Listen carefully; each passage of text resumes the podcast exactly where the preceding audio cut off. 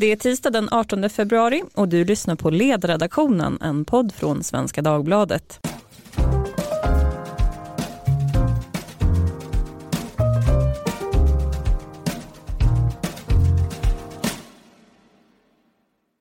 Jag heter Lydia Wåhlsten och idag ska vi prata om friskolor. Närmare bestämt ska vi prata om den kritik som har kommit de senaste två veckorna. Dels från Göteborgs-Postens ledarsida och dels från MUFs ordförande som menar att borgerligheten har varit alldeles för snäll mot de kommersiella intressen som finns på friskolemarknaden. I söndagens Agenda på SVT så kunde ni höra MUF-bossen Benjamin Dosa säga så här. Vi har fått ganska konstiga extremer på friskolemarknaden som egentligen inte borde finnas på marknaden överhuvudtaget. Drivkrafterna för en, för en friskola och för en friskolerektor är ju att bara få så många elever som möjligt för att det är så man får betalt. Det finns ju en massa forskning som visar på att eh, kvaliteten inte är tillräckligt hög. En hel del friskolor har skurit ner på undervisningstid för att kunna kräma ut oss skattepengar och skattebetala lite extra pengar. Ja, det finns ingenting som är så medialt uppskattat som en konvertit eller en inomborgerlig sanningssägare. Men vad är det Dosa påstår egentligen? Och har han på fötterna eller är han mest ute för att plocka politiska poäng? Det ska vi prata om idag. I studion så finns då åklagaren i det här scenariot, Benjamin Dosa. Välkommen. Tack så mycket. Här finns också en sakkunnig. Det är Erik Lackoma, skolforskare som arbetar vid Handelshögskolan här i Stockholm. Välkommen. Tack så mycket. Och mitt emot mig sitter också Ulla Hamilton, vd på Friskolornas riksförbund. I den här modellen då tilltalad kan man säga. Sakägare kanske också. Och sakägare. Innan vi börjar prata idag så tänkte jag dra lite fakta för våra lyssnare. Och friskolor de kom ju efter friskolereformen 1992 under Carl Bildt. Och idag så kommer vi mest prata om gymnasieskolan och det är så att var tredje gymnasieskola i Sverige idag drivs av privata aktörer av totalt 1300 stycken. De allra flesta, 90 procent, de drivs som aktiebolag. Och 80 procent av svenskarna de tycker att det är helt rätt att man ska kunna välja gymnasieskola. Om vi ser på kostnaderna då, ett hett diskussionsämne, så kostade en elev i en kommunal gymnasieskola 2018 drygt 126 000 kronor. En elev i en fristående skola kostade 111 000 kronor. Och tittar man på hur kostnaderna fördelar sig så är det så att kommunala skolor framförallt har en dyrare undervisning. Min första fråga till panelen är därför så här. Friskolorna har en 15 000 kronor billigare plats per elev. Är det här ett tecken på lägre kvalitet, Benjamin? Nej. Ulla? Nej. Erik? Nej. Vem vill börja utveckla? Benjamin? Ja, jag kan, alltså det, mycket handlar ju om effektivitet, alltså att man är mer effektiv på att använda lokaler framförallt som är en stor eh, utgiftspost för, för många skolor oavsett om de är kommunala eller fristående, att man inte äger den egna fastigheten till exempel. Så att det, det handlar om effektivitet och kostnadseffektivitet. Mm. Det finns ingenting annat i de här siffrorna, Erik? Alltså tittar man på internationell forskning om eh, kvalitet i skolan och eh, kostnader så finns det inget generellt samband mellan hur mycket man lägger på skolan, över en viss nivå naturligtvis, eh, och kvalitet. Det handlar om hur man använder pengarna. Sen om man tittar på aggregat på Sverige-nivå som också är klart för att eftersom skolpengen sätts på kommunal nivå så avspeglar det här också var friskolan är lokaliserad. Om du lokaliserar friskolan i en kommun som har lägre skolpeng så blir naturligtvis automatiskt kostnaden lägre än om du har lagt den i en annan kommun. Och tittar man på hur, hur de är fördelade så har vi färre eh, friskolor i de kommuner som har de högsta skolkostnaderna. Men det beror delvis på var de geografiskt befinner sig i landet. Så att det går inte att säga eh, någonting om det här sambandet. Mm, jag förstår. Så att vi har mycket friskolor i till exempel storstadsområden då och det gör att eh, de här siffrorna i sig blir missvisande. Alltså om man tittar på skillnaden i kostnader per elev mellan en kommun som Nacka till exempel som har bland de lägsta eller näst lägsta tror jag i Sverige och Sorsele så skiljer det eh, 75 procent i hur stor skolpengen är. Och friskolandelen är ganska hög i Nacka men den är ganska låg i Sorsele. Så att det här avspeglar naturligtvis hur mycket, nu bor, bor inte så många i Sorsele, men, men det avspeglar naturligtvis de här faktorerna på, om man tittar på aggregat. Och det handlar ju också om hur pass duktig man är på att anpassa lokaler och så vidare eh, till, utifrån efterfrågan. Mm. Och men någonting ligger det här, för att den här siffran har jag hämtat från er rapport, Fakta om friskolor 2019. Och där är det en graf då som visar liksom fördelningen, då är det just undervisningen och då tänker jag att det handlar mycket om schemaläggning och sådana saker, att man får ut mer undervisning för pengarna. spontant. Men vi ska dra igång då. Benjamin Dosa, det är en ganska allvarlig anklagelseakt du har mot borgerligheten. Men vad är det egentligen som du påstår? Nej, först och främst så är jag ju en varm anhängare av både valfrihet och att öka de privata inslagen. Jag har ju gått så långt att jag tycker att, nu har det inte helt till ämnet, men att man ska privatisera lärarutbildningen till exempel. Eh, jag sitter ju i landstinget här i Stockholm, jag tycker man ska privatisera ytterligare ett akutsjukhus exempelvis. Så att jag är ingen motståndare mot vare sig marknadsekonomi eller privata inslag, eh, även om det är gemensamt finansierat så att säga. Men eh, jag tycker att alla reformer som man driver igenom där det dessutom uppstår vissa grus i maskineriet, då måste man ju se till så att motorn funkar så bra som, som bara möjligt. Och det har vi ju sett på, på friskolemarknaden idag, särskilt ganska mogna marknader som typ Stockholms skolmarknad. Och där man eh, som borgerlig kanske mer har värnat eh, företagen och friskolekoncernerna snarare än de marknadsmekanismer. För jämför man annan upphandlad verksamhet, till exempel kollektivtrafik, då får ju, eh, då får ju de som faktiskt vinner upphandlingen, de får ju mer betalt om eh, tågen eller bussarna går i tid, de får mindre betalt om de inte gör det. De får mer betalt om de är hela och rena, de får mindre betalt om de inte gör det. Biobränsle, eh, det kan vara kundnöjdhet och så vidare. Men vad gäller friskolor så finns ju inga sådana mekanismer överhuvudtaget. Och då har man ju traditionellt sagt att ja, men finns det bara valfrihet då kommer människor, föräldrar och barn välja bort dåliga skolor. Och det är ju det vi har sett inte har skett. Man har inte valt bort dåliga kommunala skolor. Man har inte valt bort dåliga friskolor utan de finns kvar. Och går man på en gymnasiemässa till exempel så ser man ju att väldigt många lockar med gratis iPads, rikskuponger. Eh, om man ska vara lite, lite negativ också så kanske till och med under ytan lockar med höga betyg trots att man kanske inte jobbar så hårt för dem. Och det är de typerna av problem som jag vill få bort. Mm. Men du säger ju att man har sprungit storföretagens intresse, att det då inte bara drivs av ideologi. Och vad har du för bevis på det där? Nej men att en hel del av de här eh, friskolekoncernerna har ju blivit väldigt, väldigt stora och har ju dessutom tydliga ingångar i de olika partierna.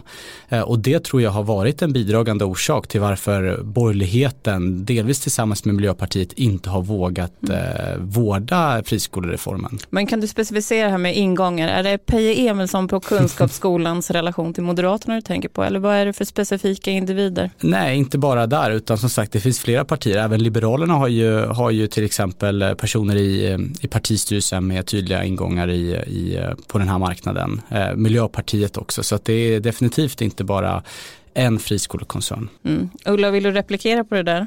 Jag tycker att det, det, är bra att Benjamin nu börjar prata om kommunala skolor och fristående skolor tillsammans. För att tidigare så har det ju framstått som att det, det är bara problem så att säga med fristående skolor. Men om vi tittar på var de stora problemen och utmaningarna i den svenska skolan idag finns, framförallt då på grundskolan, så är det ju i den kommunala verksamheten. Eh, jag skulle säga att den utveckling som vi har sett beror inte på någon slags korruption mellan före detta politiker och borgerliga politiker utan det beror ju på att det faktiskt finns en efterfrågan från elever att eh, gå i fristående gymnasieskolor. Man får ju inte tillstånd från Skolinspektionen om du inte kan visa på att det finns en efterfrågan på eh, eh, att starta en ny gymnasieskola. Och tittar vi på hur det ser ut i Stockholm idag till exempel, där ju eh, St Stockholms, vi har ju en gemensam gymnasieregion i Stockholm och där räknar man ju med att elevantalet på gymnasieskolan kommer att öka med 22 000 de kommande åren och där säger ju i princip samfällt alla kommuner i regionen att vi vill gärna att friskolorna hjälper till för att avlasta oss den investering som finns i att vi måste bygga nya gymnasieskolor i Stockholmsregionen. Eh, och jag tror inte att eh, det socialdemokratiska kommunalrådet i Södertälje är speciellt korrupt eller speciellt vänligt inställd mot friskolor utan här handlar det ju om faktiskt att det finns en efterfrågan. Mm. Erik, vad säger du när du hör de här två parterna som sakkunnig idag? Alltså det är egentligen två frågor. Det ena handlar om eh, huruvida företag kommer att försöka utnyttja möjligheter till eh, det man brukar kalla forskning economic rents, liksom när det finns eh, sätt att tjäna pengar på som ligger utanför att eh, se agera på marknaden. Det pekade Adam Smith på att så samlar man en grupp företag i ett rum så kommer de försöka komma överens och dela upp den och skapa någon kartell eller liknande. Så att den aspekten finns naturligtvis, den ska man inte bortse ifrån. Eh, och det är inte någonting som är unikt för, för skolmarknaden utan det är nog generellt generell effekt som man, man alltid ska vara vaksam för. Liksom, företag är ute efter att tjäna pengar och kan göra det på två sätt. Liksom att erbjuda varor och tjänster som folk vill ha eller att gå till första och be om en subvention, en tull eller liknande. Så den aspekten finns. När det gäller skolor, det jag tyckte var intressant här som, som togs upp är ju det här med, med stängning utav, utav skolor. För det, det som förvånar mig ser under den här marknadsutvecklingen, som jag fortfarande betraktar som ganska omogen, om man ser liksom vilka som driver de här och hur få eh, eh säga, företag som är här, säga, företag i den märker sig eh, att de har en, en Eh, volym och eh, agerar som så att säga, större företag med professionell management och liknande. Så, så är det, många, det är många idealister på den här marknaden, många eh, verksamheter är väldigt små. Eh, och det som förvånar mig är att skolan inte stängs. Så det gäller både kommunala skolor och friskolor. Det vill säga kommunerna har inte stängt skolor i den takt som det har gått över elever till friskolesektorn. Eh, det andra är att många friskoleaktörer, framförallt de som drivs av säga, idealistiska motiv, de drivs att det ska finnas en skola på en viss plats, den ska ha en viss pedagogik, den ska ha en viss annan inriktning, stänger inte dem när elevunderlaget, eller säga, de, eleverna inte vill gå där där finns det en tydlig skillnad mellan de friskolorna, de små, alltså jag, jag kallar det för idealistskolor, och koncernerna som har andra motiv där man så att säga sannolikt skulle stänga en skola om elevunderlaget försvann. Därför det kommer aktieägarna i det fallet kräva. Så det är olika saker. Mm. Men, men att, jag är förvånad över att inte fler skolor har stängt. Det här är väl den första take-awayn från den här podden. För att den allmänna bilden är nog att den här marknaden är väldigt mogen och att vi har liksom väldigt stora koncerner som är inne. Men om man tittar på den statistiken som man också då kan hitta hos friskolorna Eh, riksförbund så är det ju en förkrossande majoritet som bara en enhet. Och över 30 enheter såg jag bara åtta stycken. Jag minns inte om det var på gymnasienivå eller totalt, men det är väldigt få som driver över 30 enheter. Då. Jag vill bara kommentera det som Erik säger med just den här förmågan att vara flexibel när det gäller just eh, eh, eh, efterfrågan på, på gymnasieplatser. Jag tittade på Skolverkets statistik här för ett, ett och ett halvt år sedan och då var det väldigt tydligt att om man jämför då kommuner och, och friskolor på gymnasienivån var det här, eh, att det fanns en helt annan flexibilitet och en anpasslighet ifrån friskolorna att dra ner på antalet platser när man inte hade fullt och när man, eh, och med, medan då skolorna i, i de kommunala verksamheterna låg kvar med väldigt, väldigt mycket lediga platser på gymnasieskolan. Benjamin, om vi går tillbaka till din kritik. En person som har svarat på den är ju Timbros vd Karin Svanborg Sjövall. Och då menade hon ungefär så här, Benjamin Dosa är född så pass sent att han minns inte den reella konflikten mellan offentligt och privat. Utan för honom är det här normalläget att vi kan ha den här valfriheten. Är du naiv inför den episka konflikten i Sverige mellan sosseriet och borgerligheten? Nej men och det tror jag också är en grundanledning till varför eh, man inte har vågat vårda de här reformerna. För man har väl sett det som en slags Pandoras ask. Om vi börjar att eh, införa tydligare statlig reglering, att kanske se till så att Skolinspektionen får, får eh, mer verktyg till exempel så är man rädd att då, då ska liksom den stora sossestaten väckas upp till liv och, och helt förbjuda, förbjuda friskolor. Jag skulle säga att det är tvärtom, om vi inte gör någonting om vi låter, tillåter de här extremerna att få finnas kvar, då kommer föräldrar och barn bli så förbannade att man helt går på vinsten. Och det ser man ju nu, att Socialdemokraterna fortsätter prata om vinsten trots att det finns väldigt många bra vinstdrivande skolor tyder ju på att det finns en ilska hos svenska folket. Och visst, eh, många vill ha valfrihet, men skulle man, skulle man också ställa frågan, ja men hur många tycker att man ska få göra vinst i välfärden? Då är det ju inte 80 procent. Eh, och det tror jag, jag är orolig oroad över att hela systemet riskerar att kantra om man inte vårdar den här reformen. Bara det, vi, vi släppte en granskning av Skolinspektionen bara för någon vecka sedan. Nästan alla besök, som skol, eller granskningar som Skolinspektionen gör är föranmälda. Man får alltså kanske drygt en månad på sig att förbereda sig. Eh, dessutom när man, väl, när man väl granskar så tittar man på fel saker. Man tittar inte på om det är ordning och reda eller om det är kvaliteten utan var tredje granskning gäller saker som vi nog skulle definiera som inte kärnuppdraget. Alltså jämställdhetsplaners kvalitet, det kan vara elevinflytande, värdegrunden på skolan. Men menar du att borgerligheten inte har varit på den här frågan om en skarpare skolinspektion? Är det någon fråga man har varit på så är det väl den. Ja men man gjorde ju inte tillräckligt mycket. Ja, man införde ju Skolinspektionen till exempel. Det är väl ett sätt att vårda reformen. Eh, det var ju faktiskt eh, eh, regeringen Reinfeldt som införde Skolinspektionen och som ju har, har sett till att vi nu har en inspektion som är, jag kan hålla med om är lite tandlös men som blir faktiskt bättre och bättre. Och de har också, det handlar ju också om vad de har för uppdrag och de har faktiskt ett uppdrag att granska utifrån hur man jobbar med läroplanens riktlinjer och där ingår de här sakerna som du nämnde alldeles nyss. Även om man kanske inte tycker att det är det vilt viktigaste som, som skolorna ska jobba med så, så har man ju faktiskt ett uppdrag från Skolinspektionens sida att titta på exakt de här sakerna. Så då eh, får man ju från politikens sida sett ge ändrade riktlinjer för hur, hur Skolinspektionen ska jobba. Mm. Och det är precis det jag föreslår. Eh, bara det som Erik var inne på också, att eh, de senaste tio åren så har 30 skolenheter av nästan 25 000 i Sverige stängts ner. Det är ju en påfallande låg siffra.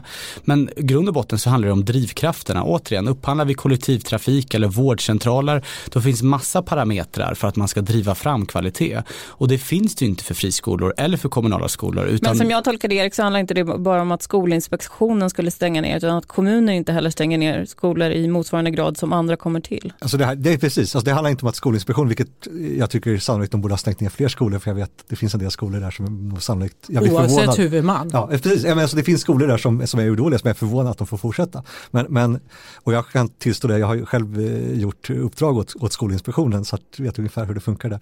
Men, men, men, men varför stänger de inte ner? Nej, men så, de det är en sak, det är en, det är en sak när det, nej men så där har du det här frågan att ta en, en kommunal skola, säg att den har 300 elever från början och sen så tappar de hälften av eleverna. Då borde det logiska vara dra ner på den här verksamheten eller stäng skolan. Det gör man inte. Istället så har man kvar halvtomma klasser, man har lika många lärare, lika lokaler. Det kostnaderna stora, men man stänger inte den här skolan.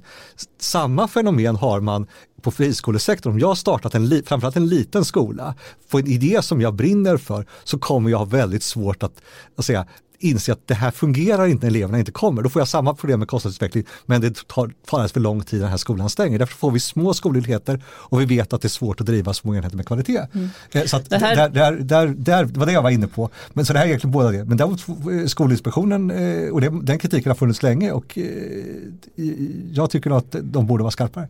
Jonas Vlachos som är skolforskare som också har varit i den här podden, han la upp en tråd här den 16 februari på Twitter. Och det du säger nu får mig att tänka på det för det kom ju en rapport för ett antal år sedan som heter Konkurrensens konsekvenser på SNS. Och då säger Vlachos då att det var så mycket PR-spinn kring det här, massa PR-konsult som försökte skjuta ner eh, forsknings eller författaren eh, utan egentligen ha på fötterna. Men att göra sådana här större utvärderingar förutsatt att kommuner då inte agerar så som de borde agera, gör inte det här att resultaten också blir lite skruvade. Alltså det, finns, det är ett område som jag är också lite förvånad att det inte har drivits mer forskning på ett, ant, ett antal sådana här områden. Eh, alltså det jag menar då att den här, eh, den här rapporten visar ju då att, att eh, valfrihetsreformerna inte hade gett någon större lyft då i, i effektivitet eller sådär. Ja, du kan, de tittar man på de studier som finns där, så visar de på ganska små effekter. Det, det, det är korrekt, de är positiva men de är ganska små. Eh, och det, delvis det som är kopplat till, till eh, det här med omogenheten i marknaden för det får man den här typen av resultat. Jag, så att eh, det är svårt, alltså eh, Alltså det är en ganska svår verksamhet och eh, många av de här personerna som driver verks eh, verksamhet, eh, både friskolor och kanske inte är fullt lämpade att göra det. De kanske inte vet hur man driver företag på ett lönsamt sätt. Det finns olika kompetenser man ska komplettera. Det problemet finns naturligtvis och de är, de är påtagliga på framförallt marknaden som då är fortfarande ganska ny. Alltså tittar man på grundskolesektorn som behandlas i den där rapporten som nu är från 2011 så det är ganska länge sedan och det har skett ganska stora förändringar sedan 2011 så var det fortfarande då eh, ungefär en av tio elever som gick i en fristående skola, vilket, vilket är lågt, både i ett internationellt perspektiv och, och ett, eh, alltså det har ökat sedan dess. Och jämför med gymnasieskolan som är en mycket större andel så ser man att den marknaden ser annorlunda ut än vad den gjorde grundskolemarknaden 2011. Så att det finns den typen av lärdomar man kan dra. Mm. Jag tänkte att vi ska gå igenom de andra argument som förs fram i den här diskussionen och som då Göteborgs-Posten har varit inne på. Och man måste ju också säga då att Anna Dahlberg på Expressens ledarsida, hon tyckte då att borgerligheten har nyktrat till. Så Benjamin som sitter här, han är tydligen den, den nyktra borgerliga människan. Men han vill ha success fee i friskolorna. Ja, det vill han ha. Men vi ska komma in på då argument apropå success fee, om det inte är valfriheten som då ska vittna om success fee, att alla vill söka sig till Viktor Rydberg och att marknaden så att säga driver fram den typen av information. För då eh, skriver Håkan Boström så här, föräldrar till skolelever förväntas se igenom den glättiga reklamen när de ska köpa en tjänst som sträcker sig flera år framåt i tiden. Och han menar då att nej men det här kan man inte göra. Personligen så kan jag känna att eftersom att man fattar beslut om både hemförsäkring och pension på egen hand så känns det här med skola inte så fundamentalt annorlunda. Men vad säger min panel, är det här ett bra argument mot valfrihet att människor inte är kompetenta att välja? Människor är kompetenta att välja men jag kan hålla med Benjamin om att vi borde ha på ett sätt vårdat reformen ännu bättre och det är ju att det fortfarande är väldigt svårt att få bra information när man ska välja en skola. Eh, och där har ju Skolverket eh, eh en viss synd som de borde leva upp till ett uppdrag som de inte har gjort ordentligt. Eh, för att ska man kunna välja så måste man ju också kunna jämföra skolor och där har ju Skolverket sedan flera år tillbaka ett uppdrag att vara väldigt tydlig med att informera om eh, liksom, eh, typ vilka resultat som eleverna åstadkommer och, och eh, det finns en del kommuner som, som då har lagt upp bra information som stödjer då skolvalet men det finns väldigt väldigt mycket mer som man kan göra på det här området så att man kan göra ett bättre informerat skolval. Mm. Vad säger du Erik? Alltså jag instämmer nog där. Det finns också en väldigt viktig fråga som också uh, kan lyftas när man tittar på resultat. Att det som egentligen är mest intressant är det som brukar kallas för value added. Ja. Att, att se hur mycket, hur för, mycket förbättras eleverna av att gå från att de börjar i en skola och sen inte så att säga hur stora kunskaper, för att den viktigaste faktorn eh, är elevernas så att säga, egna förmågor som de tar med sig hemifrån via eh, ja, uppväxt och, och gener så att säga.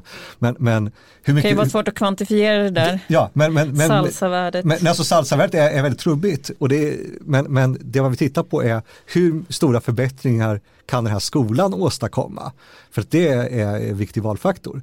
Så att det borde man, den typen av mått borde man ta fram. Ja, hö, hö, hur mycket man lyckas höja kunskapsnivån ja. under ja. det år, de åren som eleven går i skolan. Då har ju till exempel Internationella Engelska Skolan har ju tagit fram ett sådant mått. Men, men Skolinspektionen eller Skolverket vill inte se ett sådant mått. Men det skulle ju vara ett väldigt värdefullt informationsmaterial för de som ska välja en skola. Personligen så känner den här informationen då att det finns vissa skolor som erbjuder laptops så att det, det i sig skulle göra att en massa elever eh, flockas dit. Eh, jag tycker att eh, jag är lite skeptisk till det här påståendet. Det är många kommersiella företag som erbjuder, så att du ska teckna American Express Benjamin och så får du en badanka och biljetter till eh, någon fin konsert på köpet. Det är ju inte därför du tecknar American Express-kortet. Däremot kan det här vara någonting som American Express kan använda i sin marknadsföring. Vet du att elever söker sig bara på grund av att de erbjuder gratis datorer? Nej, men det är ju bara att titta på de reklamerna som, som har funnits. Alltså man gör reklam för att man ska kunna bli influencer och därför ska man välja just det, det gymnasieprogrammet till exempel. Alltså grundfrågan är, om vi tittar på mångfalden, skulle vi acceptera att man går till en privat eller offentlig vårdcentral till exempel och så har man brutit benet och så får man massage på det här benet och så går man därifrån och så, ja men jag har ju valt det själv. Det hade vi såklart aldrig accepterat och det är precis det som händer på skolmarknaden. Att det finns alltså elever som knappt lär sig någonting överhuvudtaget. Det finns evidensbaserad forskning på hur människor lär sig och de både kommunala och fristående aktörer helt väljer bort det.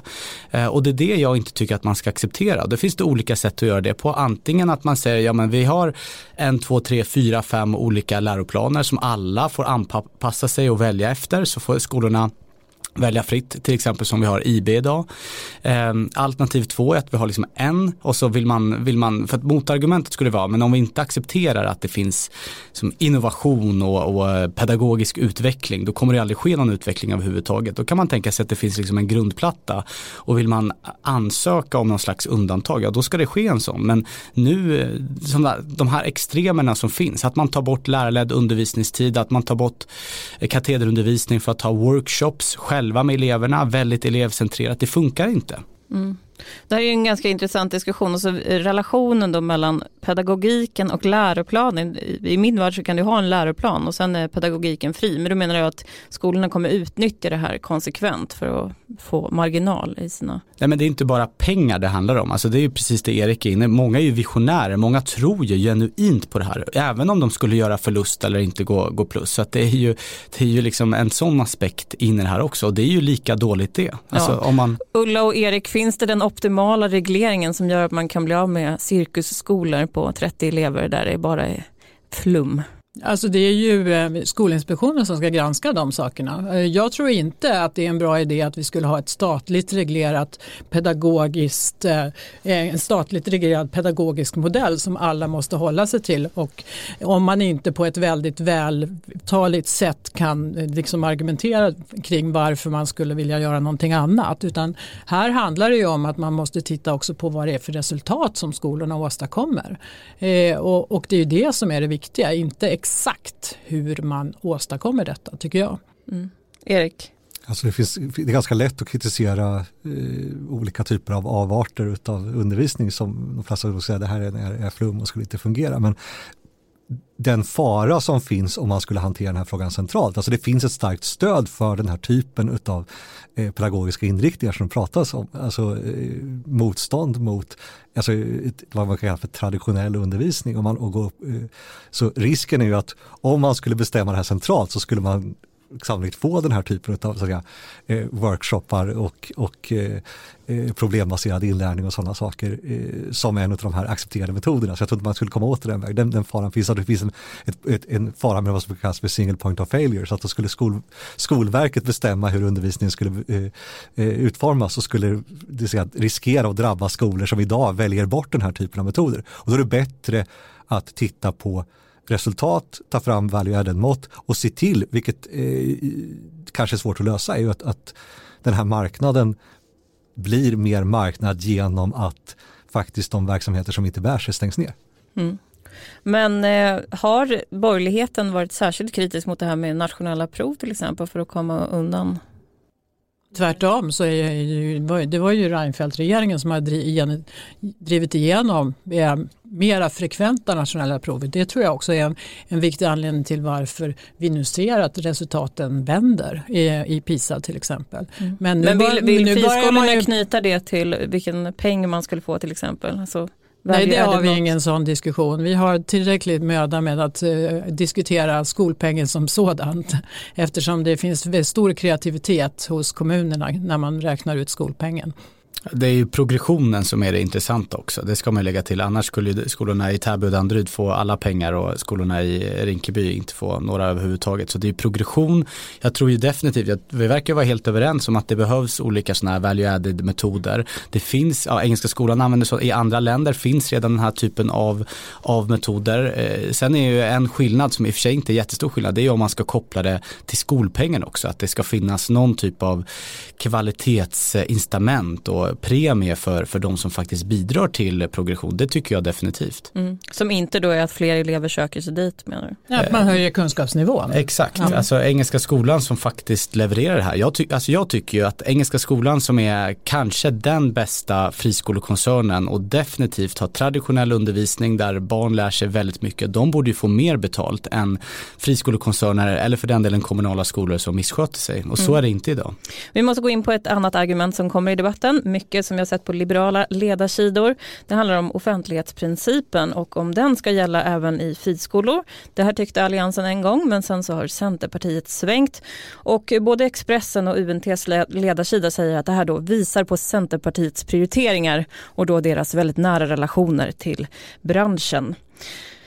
Ja, Ulla pratade här om vikten av information. Erik, vad säger du? Är det här med offentlighetsprincip för privata bolag, är det bra?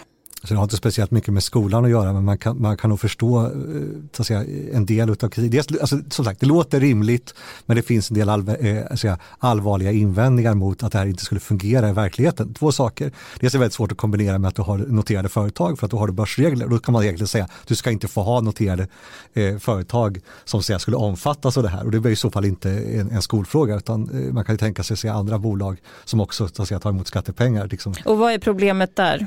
Man kan inte dela med sig av information som är börspåverkande och det gäller samma sak om det skulle vara Internationella Engelska skolan som är ett noterat bolag eller Skanska som är ett noterat bolag som också tar emot ganska stora mängder skattepengar. Så att där skulle falla, då kan man säga nej den här typen av företag får inte utföra offentliga uppdrag. I insiderproblematiken. Ja, det är till exempel det. Men, men också det att du ska ge information samtidigt till alla aktieägare, till hela marknaden och sådana saker. Så att det, det är den ena aspekten. Det andra är när du har väldigt små aktörer så kan det bli extremt kostsamt. Man kan inte tänka, det, det säga, eh, Engelska skolan skulle säkert klara av att ha en registratorsfunktion men en skola som har 25 elever skulle inte eh, kunna ha en registratorsfunktion som hanterar utbildningen. Då skulle den kostnads, då skulle man säga nej, skolan är för liten och då har ni inte råd med det här så kan ni inte verka på den här marknaden. Och skulle man ha, tillämpa den här principen generellt så skulle ju då sannolikt det också i så fall inte omfattar bara skolor utan även andra verksamheter, liksom hembygdsföreningen i, i Arlöv eh, och så vidare, som också tar emot skattepengar, ska de också behöva en registrator. Alltså, som sagt, det låter rimligt när man hör det, men sen så finns det eh, säga, poten, eh, säga, ganska stora invändningar mot det som jag tror att det, det var därför man har landat i att nej, hur bra det än låter så går det inte att genomföra. Så det här är inte ett exempel på det Benjamin pratar om, särintressena? Jag kan ju säga så här att det eh, den där skolkommissionen var ju en kompromiss. Så att eh, Centern har ju i kompromissens namn gått med på det för att man hoppades att den här eh, sexpartiöverenskommelsen skulle leda till att det skulle bli lugn och ro för friskolorna framöver. Nu kan vi ju konstatera eh, att riktigt så har det ju inte blivit mm. sedan 2013. Mm. Jag kan säga det Erik, apropå dina argument där så skrev Anna Dahlberg så här då att jo men det finns kommuner som är oerhört små och de har ju den här administrativa kostnaden medan Academedia har 60 000 elever eller sådär. Så, så här, I Academedias fall så skulle det nog alltså, gå alldeles utmärkt att hantera registratorsfunktionen. Problemet är i det fallet att Academedia i så fall inte skulle kunna vara börsnoterat, vilket de är. Eh, så där har du den skillnaden. När eh, den här registratorsfunktionen som blir så att säga prohibitivt dyr är för mindre aktörer där det här är långt ifrån eh, någon verksamhet som de idag håller på med. För att Academedia, eh, jag tror inte det är något som helst problem att göra det. De har mycket större möjligheter att hantera det än vad, vad, vad, en, vad en mindre kommun har. Men en liten aktör kommer inte klara av det här och då kommer man säga att nej, ni får, i så fall får ni inte hålla på med den här verksamheten. Mm. Jag måste dra igenom mina sista frågor eftersom att jag gärna vill belysa allt som har sagts. Så en annan sak som har sagts, även detta från Håkan Boström, är att det här är ju en fejkmarknad enligt honom. Då. Det säger han, ofta handlar det om kalkylerbara intäkter och goda vinstmarginaler jämfört med ett företag som verkar på den verkliga marknaden. Välföretagen har därför ett intresse av att hålla skattetrycket uppe. Förra året hotade till exempel Academedia med att lämna kommuner som inte höjde skolpengen eller utformade den som företaget ville. Alltså att vi har fått friskoleföretag som är som en slags maffia mot våra kommunalråd där ute. Vad säger ni? Ja, det handlar ju om att man eh, vill bedriva en kvalitativt bra verksamhet och finns inte förutsättningarna så konstaterar man helt enkelt att då kan vi inte vara i den kommunen. Så enkelt är det ju. Så är det ju Men det är inte så att de har blivit en maktfaktor som då verkligen kan pressa på kommunpolitiker? Nej, alltså det är ju inte kommunpolitikerna som bestämmer det. Det är ju Skolinspektionen som bestämmer om du ska få eh, starta en verksamhet i, i Täby kommun. Men skolpengens nivå bestäms Skol, Det är klart att skolpengens nivå eh, har betydelse för ifall du kan bedriva en kvalitativt bra verksamhet eller inte. Mm.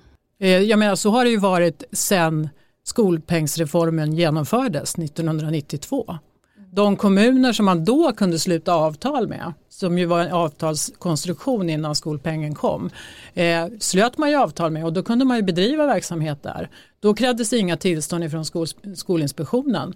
Men, men det är klart att idag om du kan se att det är en så hög kostnad eller en så hög kostnad fördelat med dåliga intäkter så startar man ju inte en verksamhet i en sån kommun. Det sker ju hela tiden. Mm.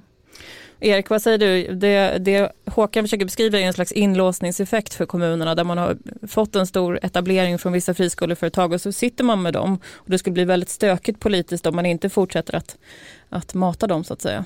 Så delvis så är det här korrekt, alltså man kan inte förvänta sig att det skulle vara någon så att säga, skattesänkningslobby från företag som eh, använder skattepengar och det skiljer sig inte skolor från andra verksamheter. Alltså, de som bygger vägar vill ha mer pengar till vägar, de som eh, driver eh, sjöfartstrafik vill ha mer pengar till det, självklart. Alltså det, det, det, så är det naturligtvis. Det andra är dock den här eh, om man kan hota att lämna en kommun om man inte får eh, högre skolpeng.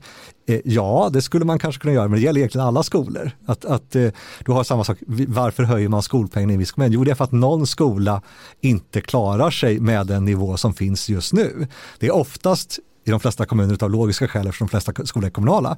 Eh, en kommunal skola som säger att om vi ska kunna ha den här skolan, för skolpengen är lika för eh, både kommunala och fristående skolor, eh, så kommer det naturligtvis bli så. Det kan naturligtvis vara så att det är Academedia eller någon annan friskoleaktör som inte klarar sig på den, kostnads, eller den skolpengsnivån. Och då kommer de sannolikt säga, ska vi kunna eh, fortsätta verksamheten så måste skolpengen vara högre. Så att, e-, egentligen så är det ett logiskt argument att det är på det här sättet. Om det sen är, finns ett motiv bakom det som är någon slags säga, utpressning av kommuner, det, det är nog snarare en, en säga, politisk fråga än en forskningsfråga, det får man undersöka i så fall. Men jag har inte sett något som mycket tyder på det. Ulla, präglas den här marknaden av lika konkurrensvillkor? Det har ju varit en del diskussion om att friskolor ska betala moms och sånt där. Men generellt sett, är det liksom, eh, har man samma villkor kommunen och det privata företaget? Nej, inte alltid skulle jag säga. Det, men, det, det är ju så här att det, skolpengen ska ju vara likadan men det är ju ofta som, som kommuner till exempel tillåter sina skolor att gå med underskott. Eh, och då ska ju eh, skolpengen till friskolorna kompenseras med det underskottet och det är det väldigt många kommuner som glömmer bort att göra. Göteborg är ett föredöme i det här sammanhanget för de, de, eh, eh de eh, av, stämmer av med vid bokslutet om skolpengsnivån har stämt så att säga hela vägen och eh, om friskolorna har fått och även om, om friskolorna har fått för lite pengar så, så, så får de mera, mera ersättning från kommunen. Mm. Eh, och sen är man också allmänt väldigt kreativ när det gäller lokalkostnader och sådana saker som det, det är överhuvudtaget väldigt svårt att göra en, en bedömning för man får en schysst skolpeng eller inte. Där skulle vi gärna vilja se att man eh, blev tydligare från, från eh, statsmakternas sida sett hur man ska räkna de här sakerna.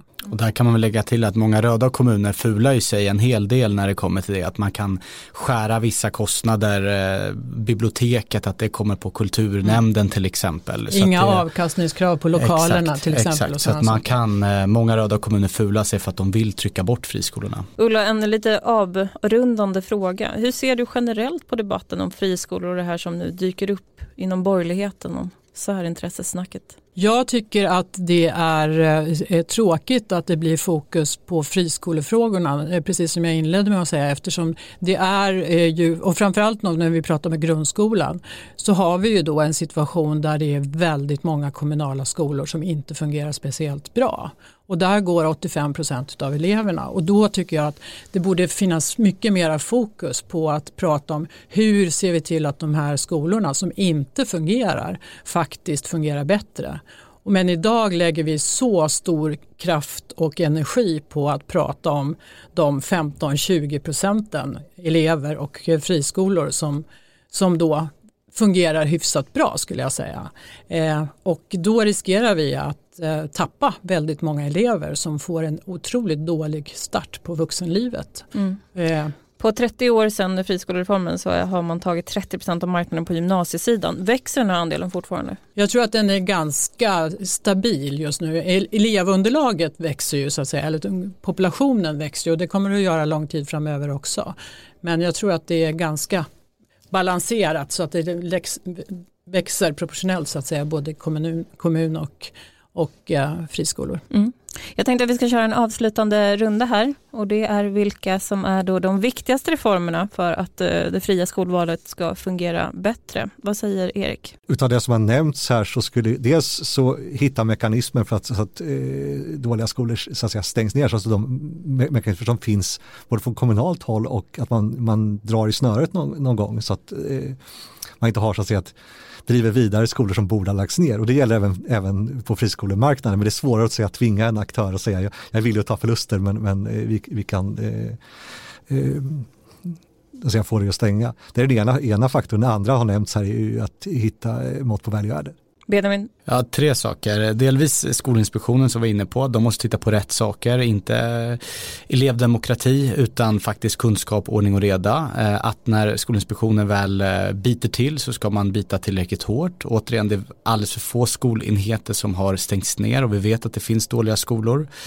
Vitesbelopp, Riksrevisionen har också kritiserat Skolinspektionen för att man inte följer upp beslut och granskningar.